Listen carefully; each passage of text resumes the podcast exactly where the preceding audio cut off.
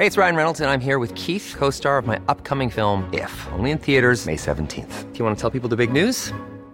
All right, I'll do it. Sign up now and you'll get unlimited for $15 a month in six months of Paramount Plus Essential Plan on us. Mintmobile.com slash switch.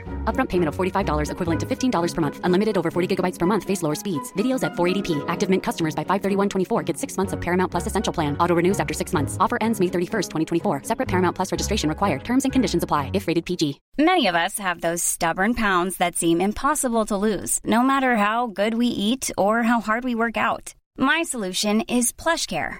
PlushCare is a leading telehealth provider with doctors who are there for you day and night to partner with you in your weight loss journey. They can prescribe FDA-approved weight loss medications like Wagovi and Zepbound for those who qualify.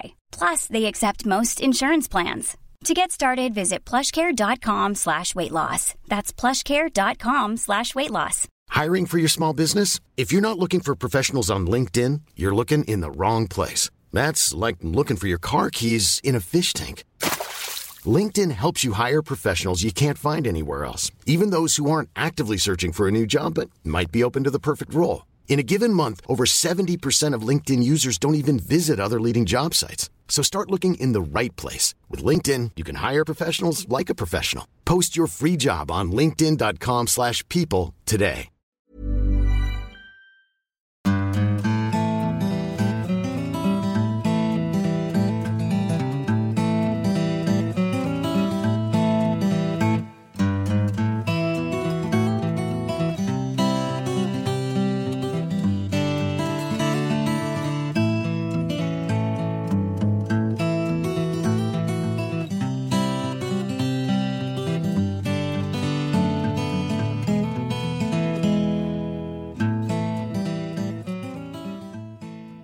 Velkommen til en ny episode av Hall og knall-podden med Kristine Tybo Hansen og Robert Bjørklund.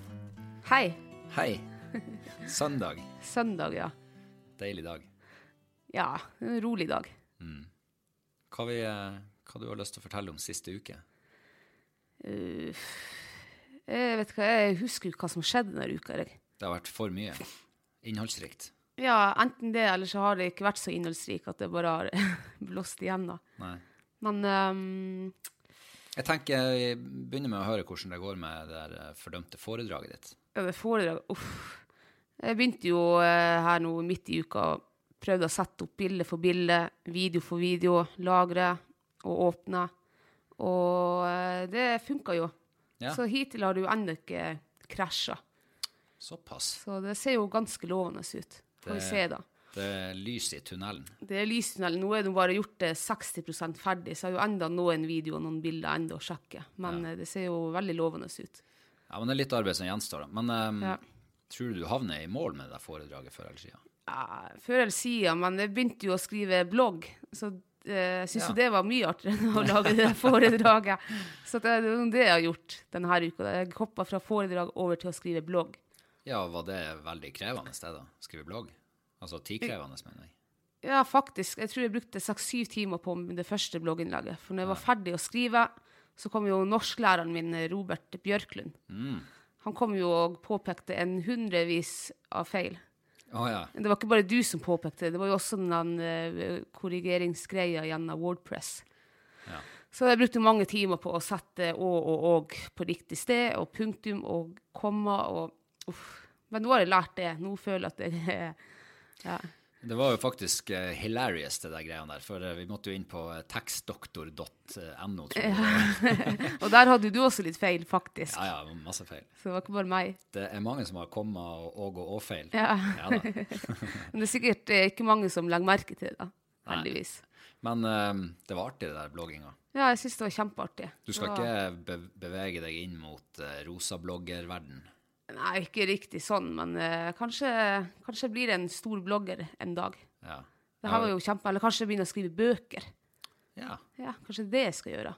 Det er bare å, Hvis det er noen som sitter på et forlag der ute som uh, har gode vilkår, så er det bare å ta kontakt. Ja, ta kontakt. Så skal jeg skrive verdens lengste turbok. Ja. Det blir sånn, sånn som Bibelen. Bitte smått, tynne ark. Ja. og Kjempetunglest. Eller nei.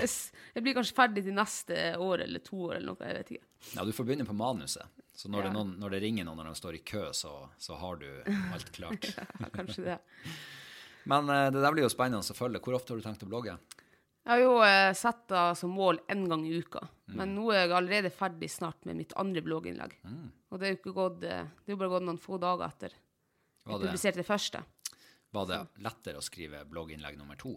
Ja, det var det faktisk. Ja. Selv om det er en annen historie, men nå vet jeg hvordan jeg skal bygge på historien. Mm. For det er jo starten, syns jeg, som er vanskelig, uansett hva du skal eh, ja, gjøre. Mm. Så det er starten som er vanskeligst. Tekstdoktoren hun sa du skal skrive så langt at hvis, Nei, hvordan var det? Ja, du sa noe sånt. Hvis du kan skrive så langt som du vil, så lenge du eller holder nysgjerrigheten oppe, interessen oppe. Men Og så kort som ja. Et Jeg husker ikke. Nei. Du må skrive, skrive så langt du klarer. Men eh, vi har jo fått oss ny fryseboks, Kristine. Det har vi, ja. Eh, og det trengte vi. Oh, yeah. Selv om vi, selv om vi har eh, fem eller fire frysebokser fra før av, Mm. Så eh, var det etterlengta med den femte. Det var det, ja. Det var det, ja. Man skulle nesten ikke tro at det skulle være mulig å ha behov for fem frysebokser. Nei, jeg ser jo det er muligens at vi har behov for en sjette. Det har du ikke diskutert med nestsjefen i huset. Nei, men du ser jo, det blir veldig lite jakting og fisking det her etter vi flytta til Reisedalen. Vi har pussa opp, og, og så har det bare vært drittvær og lite vilt og alt sånt der. Så tenk da om ett eller to år når vi virkelig begynner å fylle fryseren igjen. Ja, da, jeg tror vi Neste år så må vi sikkert kjøpe oss en sjette fryseboks. Ja, men um, det har jo faktisk medført en god ting, da, at vi eh, fikk den femte fryseren, ja. Ja, ja.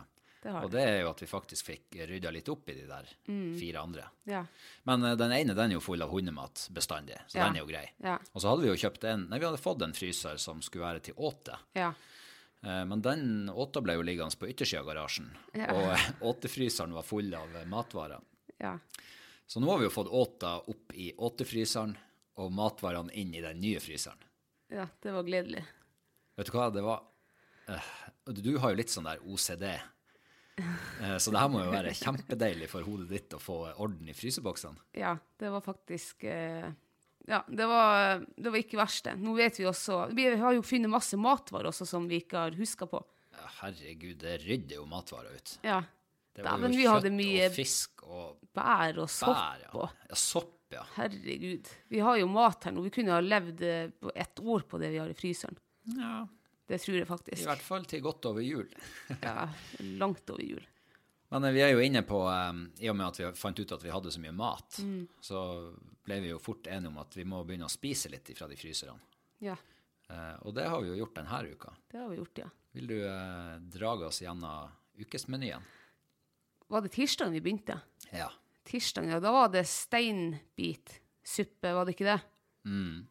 Eh, litt spicy. Steinbit i grønnsakshav. Ja. Den er faktisk, denne oppskrifta er jo henta fra Jegertvillingenes kokebok. Mm. Og den er bare helt herlig, den ja, den er dritgod. Det er en av mine favorittfiskesupper. Og så enkel å lage. Enkel. Kjempefort. Kjempeenkelt. Alle klarer å lage den der. Ja. Og så hadde vi på onsdag Mm. uh, Det var selkjøtt. Det var det, ja. Mm.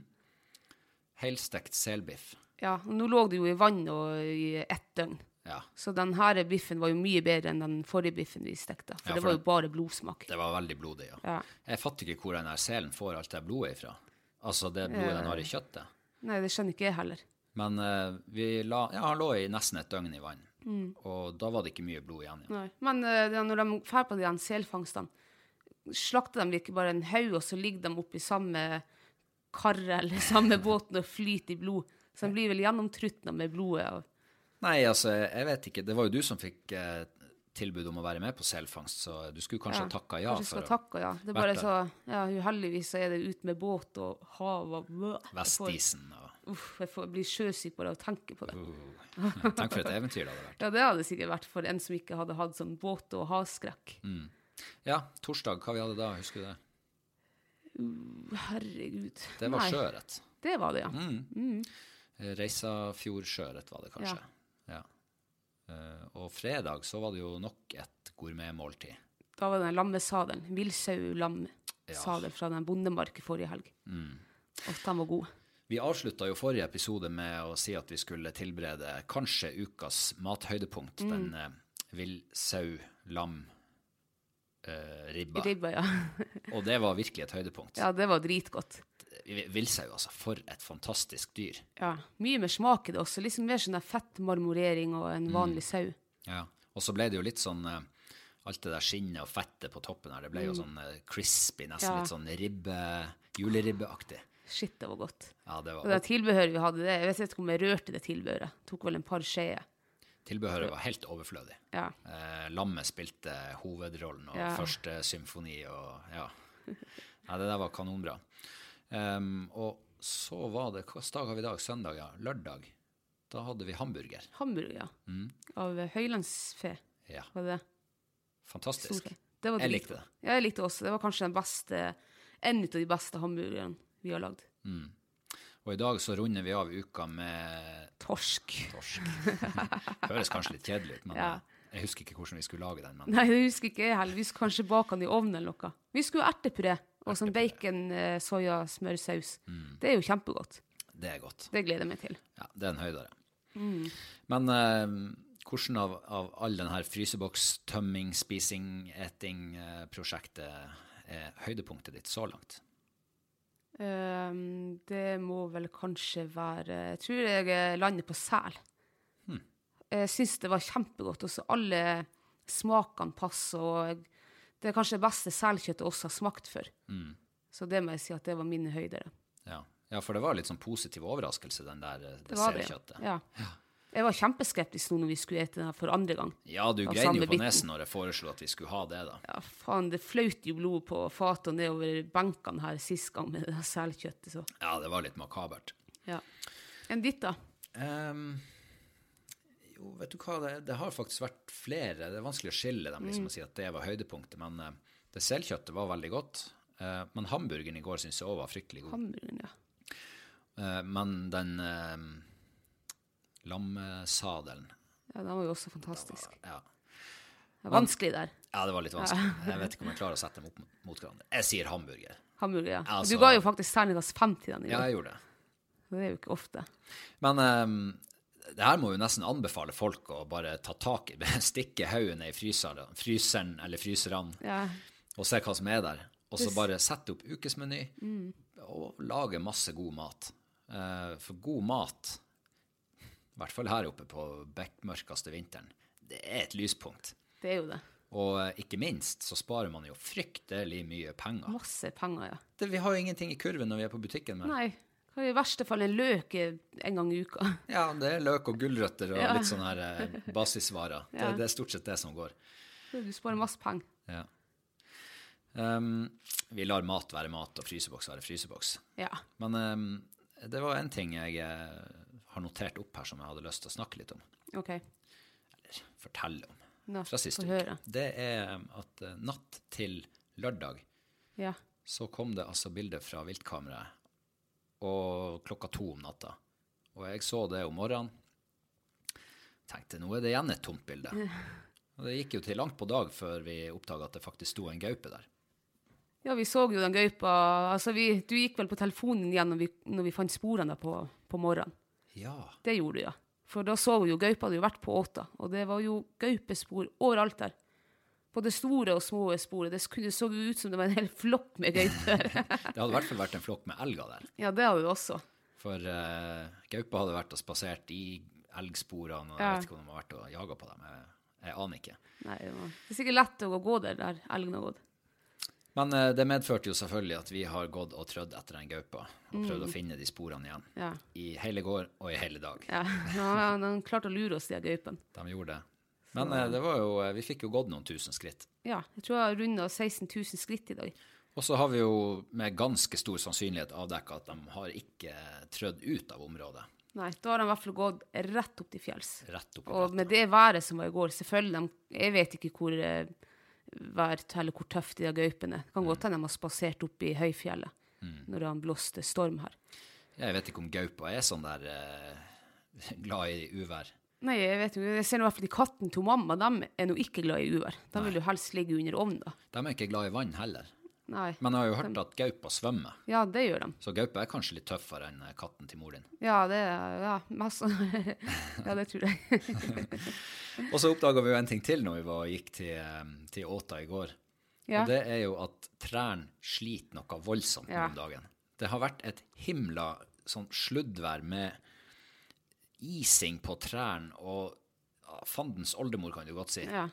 Uh, og det er jo ingenting av det her sneen som har kommet ned på marka omtrent. Alt henger oppi trærne. alt henger i trærne, og halve skogen her ligger nede. Ja, det er ufremkommelig mange plasser. Ja. Dæven, vi brukte lang tid for å komme oss til Åte i går. Mm. Jesu fader. Ja, det var sånn labyrint. Ja.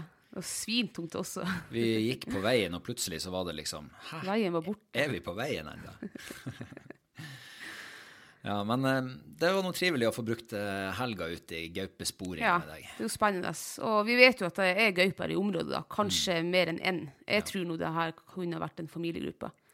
Men med så vanskelige sporingsforhold vi hadde i går og, og i dag, så er det jo mulig å Jeg tror de kommer tilbake på åtta i løpet av Det tror jeg også. Nå har de vært der én gang.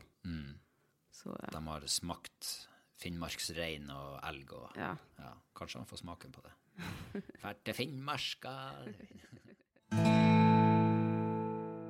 Du, um, vi har noen spørsmål som vi ikke nådde å ta forrige uke. ja. Uh, og det er jo vår gode nabo, faktisk Uh, en av de nærmeste naboene. Det tror jeg nok Ja, Hun Wenche Offerdal. ja hvis ikke han på Nesje også nærmest, da. Jeg har Ja. ikke skrittet opp. Det er, de er veldig nært, begge to. Ja. uh, hun sendte en melding til oss etter første episode. Og hun har tydeligvis fått en røyskatt inn, på, inn i hytta. ja. Så hun lurer på, i hvert fall tolka jeg sånn spørsmålet, hvordan skal hun få has på den røyskatta der?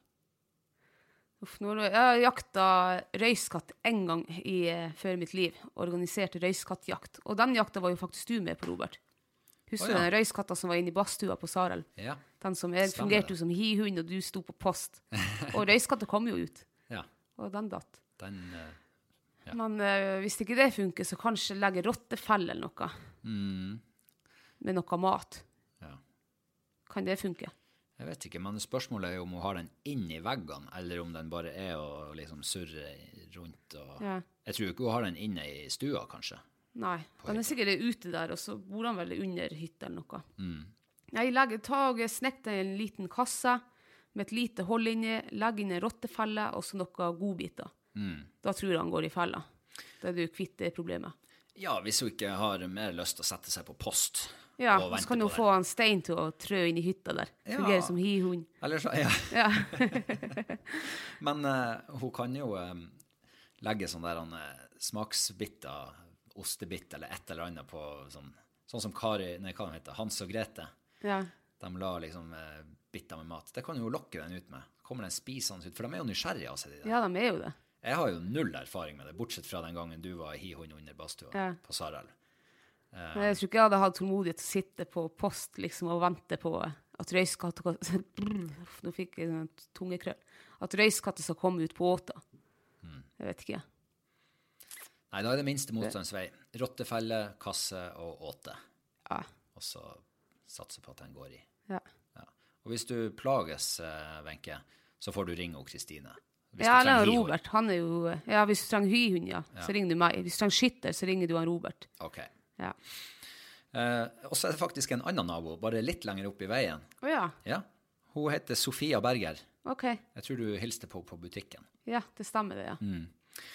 Hun sendte et spørsmål eh, og lurer på om vi har tenkt å anskaffe oss barn.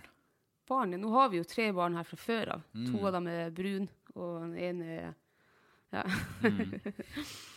barn, nei. Um, jeg hadde jo egentlig ikke lyst på barn før jeg møtte deg. Nei. Så jeg har jo vært litt mer barnesjuk de siste årene. Mm.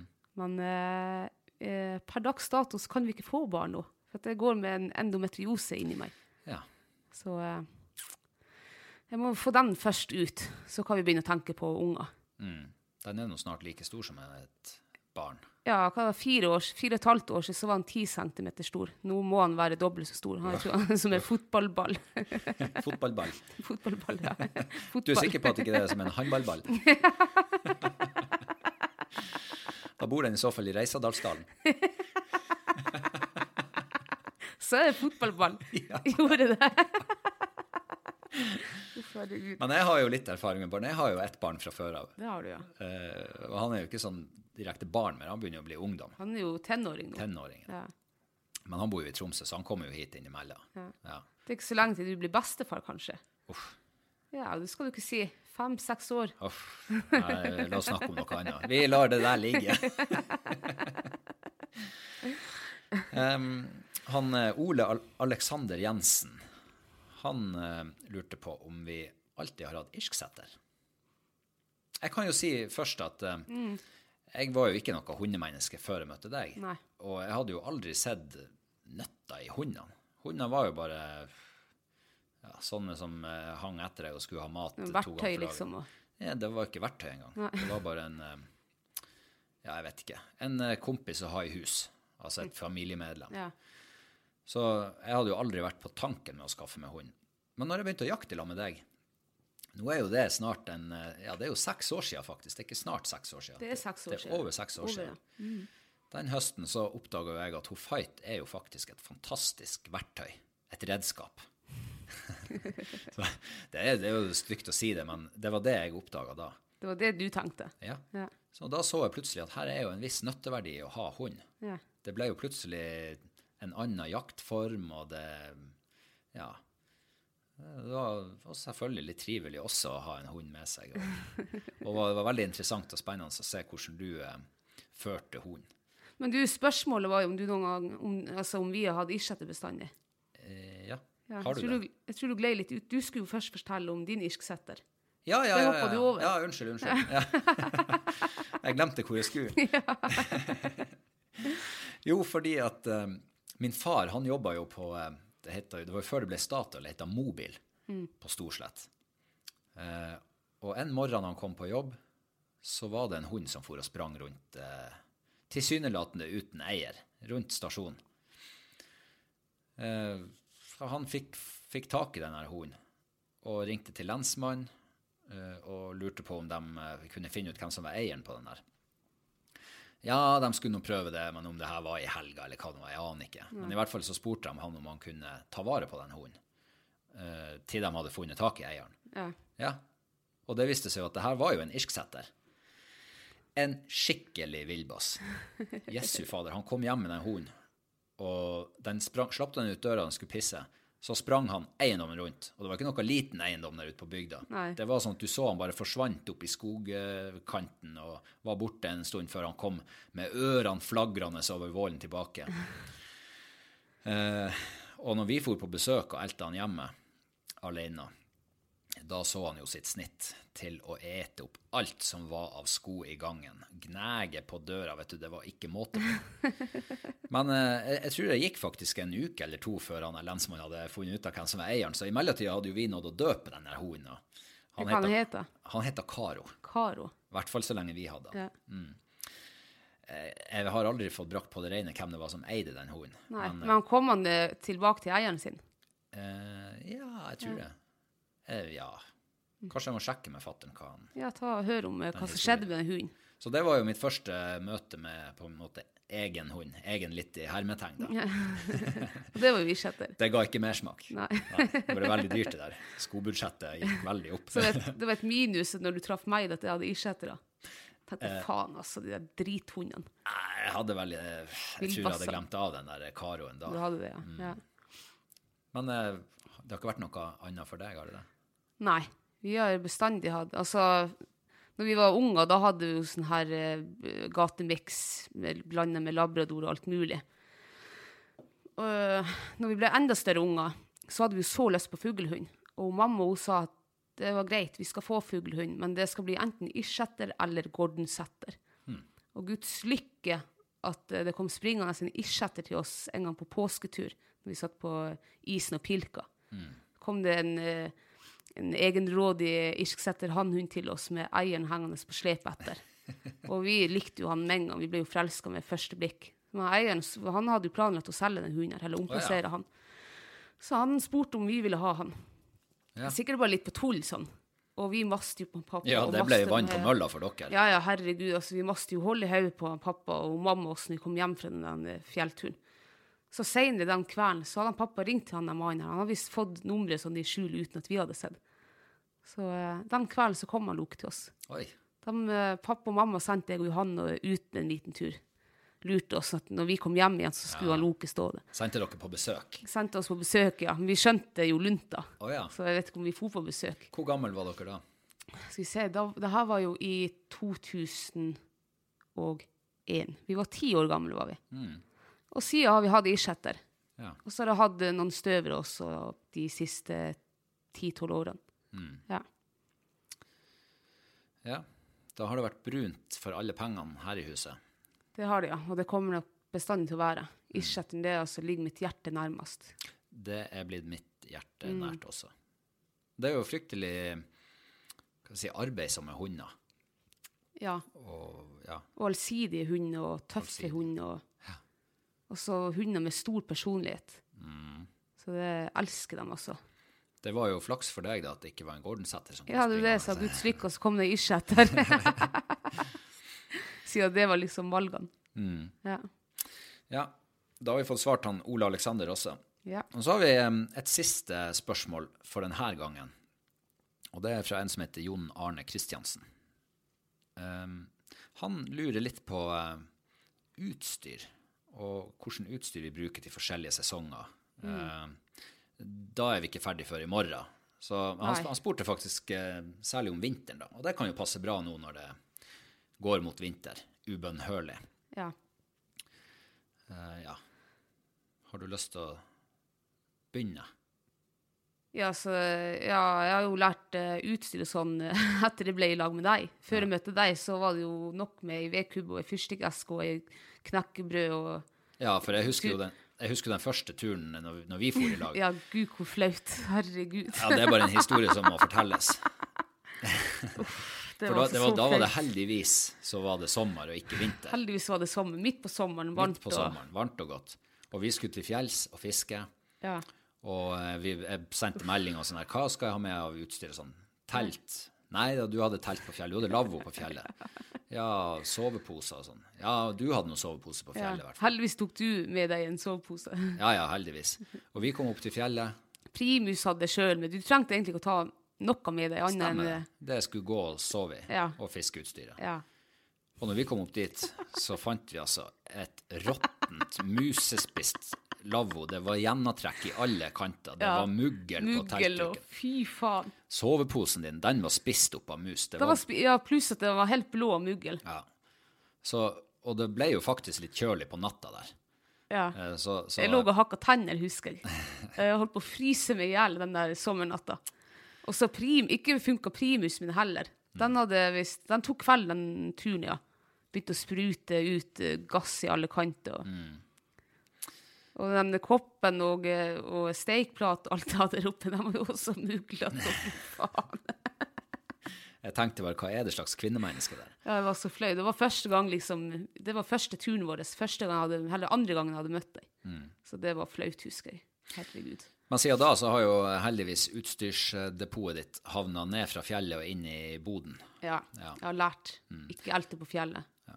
Og på vinteren så er jo kanskje noe med det aller viktigste man har, er jo et eh, godt og robust telt Ja. som tåler mye vær. Um, og så er det, det er faktisk smart å bære gjerne litt mer med det. Litt tyngre telt, litt større gjerne, med litt god plass inni. For det er litt mer utstyr, og det er litt mer klær som skal av og på, og i det hele tatt.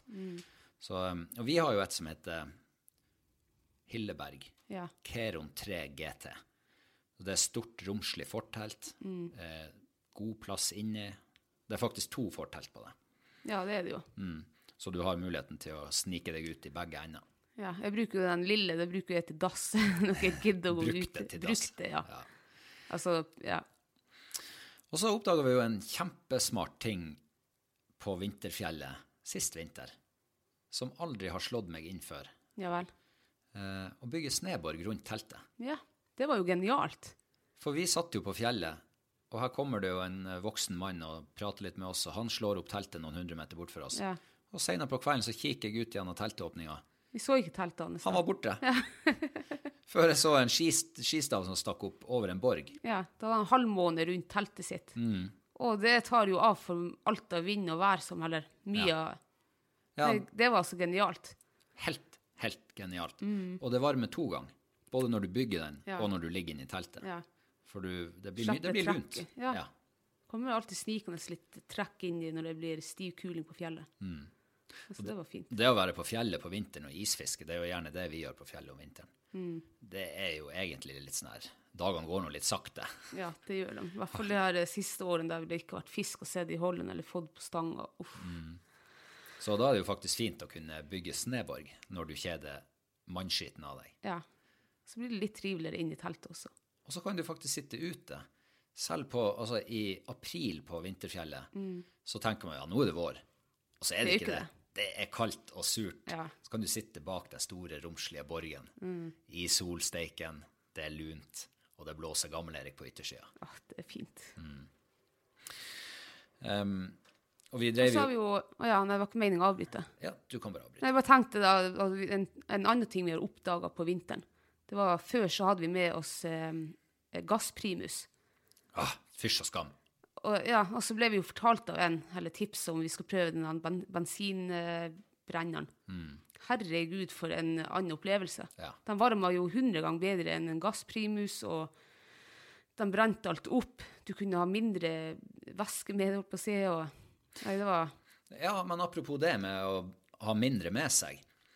Um, vi kjøpte oss jo pulka. Ja. Og- Nei, vi fikk pulka. Fikk, ja. ja. og fikk lån. Vi har faktisk en på lån. Vi har en på lån, og så fikk vi en, ja. Men um, det gjør jo at du trenger ikke å være så nøye når du pakker. Nei. Du kan ta eh, fem liter bensin med. Ja. Da vet du i hvert fall at blir det dårlig vær. Ja. Ja. Så det, det er godt, det er lurt å tenke litt, litt ekstra sikkerhet når man skal på, på fjellet om vinteren. Mm. Ja. For man vet aldri hva som overrasker deg. Eh, ha en dag ekstra med mat, med eh, litt ekstra bensin, og i det hele tatt. Eh, så, og det der gassprimusen, det er jo sånn, du kan jo kjøpe sånn svindyr gass som er beregnet for vinter, men det funker ikke like bra uansett. Nei. Og så, dunpose. Det er jo den andre viktige velferdstingen å ha med. Ja. God og varm pose. Det er jo andre ting jeg har oppdaga etter jeg ble i lag med deg. Før så gikk jo med de svære, tunge helgelandsposene med bomull eller hva de har putta inn. Mm. På å fryse meg i hjel hver vinter. Ja, for de, hvis du skal ha en syntetisk sovepose om vinteren, så Ja. er du avhengig av at den, eh, altså den blir mye større, mye tyngre, gjerne mye mer klumpete. Ja. Eh, Så det å kjøpe seg en, eh, gjerne en si, lettvekts vintersovepose, mm. det er kjempelurt. ja. Varmer mye mer også. Ja. Bare viktig å holde den tørr. Ja. Så de vi bruker nå, de er jo, veier jo 1900 gram, og vi har aldri frosset i dem. Vi har Nei. ligget i 25 minus med dem. Og, ja Dæven, de varmer godt, også. ja. Så bruk gjerne litt ekstra penger på en god sovepose. Og selvfølgelig en god sovepose med et dårlig liggeunderlag. Det er jo eh, like godt som eh, si, en, en dårlig sovepose med et godt liggeunderlag. For du må ha god isolasjon fra bakken. Ja. Og når vi går med pulk, så har vi jo plass til mye reinskinn. ja. Det er, det er god isolasjon. Og da berges du faktisk med de sommerunderlagene som vi har. Liggeunderlag. ja. Så, men har du ikke det, så kjøp gjerne et eh, tjukt, godt liggeunderlag med dun inni. Da får du god isolasjon. Godt tips. Um, ja, er det noe mer vi kan si om uh, vinterfjellet, utstyr? Sørg for å ha god teltorden. Innreit teltet på en funksjonibel måte, Ja. sånn at du slipper å springe ut og inn og hente utstyr. og Du har alt lett tilgjengelig. Og hold det tørt. Ja. Det er, det er bra. Ingenting å legge til? Nei, jeg tror du har sagt det meste som jeg kommer på. Jeg, er ikke sånn, jeg kan ikke så mye om utstyr. Jeg. jeg vet at det er bra å ha varm sovepose, godt telt. Og så har jeg lært at um, bensinprimus er mye bedre enn gass. Ja. Aldri helt igjen utstyret ditt på fjellet. Ta med pannekakerøre. ja. Det er altså så velferd på fjellet. Det, altså, det, det smaker himmelsk når du er på fjellet. En liten bit bacon. Ja. Og så en liten klatt med smør. Mye smør. Ja. For du har jo pulk. da skal vi over på en uh, ny spalte vi tenkte å uh, begynne med i dag. ja. Og det er smakstest. Ja. Billig versus dyrt. Ja. I dag er det du som leder den. ja, i dag er det du som skal være den heldige som får lov å smake det igjen. Og Jeg har tre forskjellige retter her. Jeg kaller det for rett. Og uh, i dag har jeg bestemt for at det skal være makrell i tomatsaus. Nam, nam, nam, nam, nam. Det er veldig godt. I hvert fall når du er matlei, og sånn, i hvert fall for min del. Da Da syns jeg at eh, å, makrell i tomatsaus på brødskiva med ekte majones over, herregud, det er godt. Jeg er voksen opp med makrell i tomat. Vi Ja. kalte det bare for makrell. Å, ja, makrell, ja. ja. Halv boks på hver brødskive. Å, det var godt. dæven, det hørtes mye ut. Eller var det små bokser? Nei, Det det var var, ikke små bokser før i tida. Kun store. Ja. Nei, så da, Jeg har jo vært på butikken og, og sjekket litt, og det er jo altså prisforskjell på 25 kroner mellom den billigste og den dyreste. Ja. Og det er jo Ja, det, det er mye penger hvis du er veldig glad i makrell i tomat og skal kjøpe en sånn boks mange ganger for uka. ja. Så du kan jo faktisk spare eh, hvis den som er billigst, da står til eh, At den er like god. at den er like god. ja. Ja, for smaken Eller er jo. Smaken har jo alt å si. Ja. Eller mye å si. Så eh, her har jeg, og jeg har nummerert dem også. Nå skal du få smake på nummer én. Har du shader attende i? Ja, skal vi se. Da har jeg fått nummer én hit. Så har du eh, tre teskjeer, en for hver rett. Skal du fortelle lytterne hva det her er? Ja, da må du holde over ørene, da. Ja, da holder jeg for Du, hold, du hører ja, ikke nå noe. hører jeg ingenting. Ok. Uh, fat nummer én, det er av Lofoten sin makrell i tomatsaus. Skal vi se om han Robert liker den. Ja. Ja, da vet de hva jeg får smake på nå. Da vet de hva Det er jo rød, det er jo rød farge på den her i hvert fall, så det ser jo ut som sprengt makrell i tomat. Den ser veldig sånn fin ut i konsistensen. mm, ganske saftig. Jeg er spent. Ja, Det det lukter. luktes det. Det Det lukter lukter. makrell i tomat. Ja. Jeg smaker. Mm. Ja, det er litt sånn eh, Litt sånn syrlig, frisk syrlighet i, i smaken. Ja, den var god, den. Den var god. Mm. Ja. Skal jeg få neste nå, da? Får du neste? Vær så god. Takk. Og så kan du holde for ørene. Da holder jeg for ørene igjen. Da er neste stabbur makrell i tomat. Ja, vær så god. Takk. Ja, den her er faktisk eh, mer jevn på farge. Den ser også saftig og fin ut. Ja, kanskje nesten litt sånn Nesten litt fastere i konsistens. Bare ved å se og kjenne på den. Ja. Og nå skal jeg smake.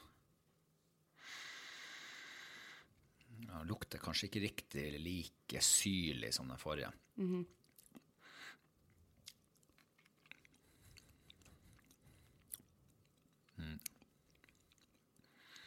Litt rundere på smak. Okay. Ikke like syrlig, men mer tomatsmak i den her. Mm. Særlig liksom eh, når det begynner å nærme seg ettersmaken. Ja. Ja, den var nok litt, litt mer fyldig i smak, den her. ja. Da er det en til her som Det er det siste. Der, ja. Skal vi se. Da skal jeg Holde over ørene Ja. holde for ørene. Vi må skal se. Hold. Den siste er ekstra sin makrell i tomat. Ja. Ok. Her også ser veldig sånn rød og fin ut. Saftig og fin. Ja, sånn konsistensmessig så er alle de her tre veldig like. Det er egentlig fargen som har, eh, sånn synsmessig som har skilt dem. Ja. Nesten litt mindre smak er det. Mindre lukt. Mindre lukt, ja. Kanskje litt sånn eh, Nesten et hint av noe slags urter oppi her. Oi. Du har ikke en med urte? Nei, alle tre skal være likt. Ja. Altså helt naturell. Eller ikke naturell, da. Og mer fiskesmak i den her. OK. Mer eh, distinkt fiskesmak. Å, det var nesten litt eh, Å, ettersmaken var nesten litt sånn derre eh, Gammel fisk. Gammel fisk. Ja, du vet når fisken har ligget på benken og begynner å bli gul. Ja. Nesten en anelse sånn. Jeg må skjølle ned den. Men det var mest fiskesmak i den siste. Ja, det var det. Nei, den siste, den vil jeg eh, rangere. Skal jeg rangere de her? Du kan rangere fra nummer én, nummer to, nummer tre. Ja, da begynner jeg på bunnen. Ja, Og det var den siste. OK. Så nummer tre, det er nummer tre i rangeringa di.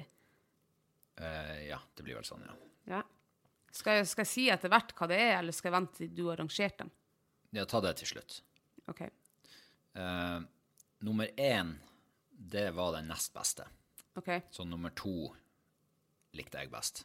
Det var fyldigst smak, deilig sånn tomatsmak, og harmonisk smaksbilde. Ja, OK. Ja. Ja, men eh, da, eh, da denne testen så eh, lønte det seg jo holdt på å si å koste 25 kroner mer. Nei, For at den beste du syns var eh, nummer to, altså, det var stabbur i makrell sin ah, eh, makrell i tomat. ja. Eh, og nummer én der som du har rangert som nummer to, det var Lofoten sin makrell i tomat. Sier du det, ja? Og den var jo nest, nest dyrest, eller nest billigst. Så kommer Ekstra sin makrell i tomat. Den kom på tredjeplass. Ja. Det var den som var så gammelfisk. Ja. ok. Ja, ok, Kanskje det lønner seg å bruke 25 kroner ekstra, da? Det er ikke sikkert at uh, forskjellen hadde kommet fram hvis man ikke hadde hatt alle tre på rekke og rad. Nei. Og hvis du enda hadde klinet det på en brødskive og hadde dekt det godt med ekte majones, kanskje da hadde det vært Kamuflere den deilige, fyldige smaken. Ja. Ja, men da vet vi det. ja, da vet vi det. Da lønner det seg i hvert fall å kjøpe litt dyrere makrell. Ja. Ja. Si det sånn. Da skal vi begynne å gjøre oss klar til fotballkamp. Det skal vi, ja. Um, og eh, da er det bare å si tusen hjertelig takk for at uh, du har hørt på Hall og knall-podden. Uh, og send oss veldig gjerne spørsmål og innspill. Det setter vi kjempestor pris Det på. gjør vi, også. Og vi svarer på det. Vi svarer på alt. Det- det meste. Det meste. Ja. Ja. Da høres vi neste søndag. Kos dere. Ha det! Ha det.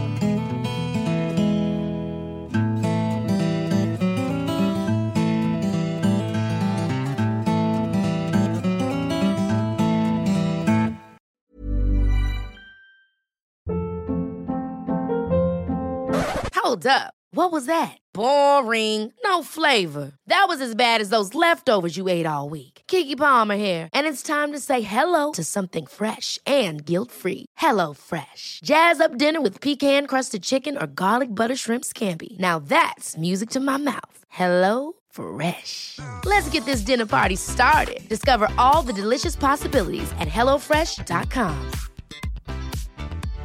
Imagine the softest sheets you've ever felt. Now imagine them getting even softer over time. That's what you'll feel with Bowl and Branch's organic cotton sheets. In a recent customer survey, 96% replied that Bowl and Branch sheets get softer with every wash. Start getting your best night's sleep in these sheets that get softer and softer for years to come. Try their sheets with a 30-night guarantee. Plus, get 15% off your first order at bowlandbranch.com. Code BUTTERY. Exclusions apply. See site for details. Even when we're on a budget, we still deserve nice things. Quince is a place to scoop up stunning high-end goods for 50 to 80% less than similar brands. They have buttery soft cashmere sweaters starting at $50, luxurious Italian leather bags, and so much more. Plus, Quince only works with factories that use safe, ethical, and responsible manufacturing. Get the high-end goods you'll love without the high price tag with Quince. Go to quince.com slash style for free shipping and 365-day returns.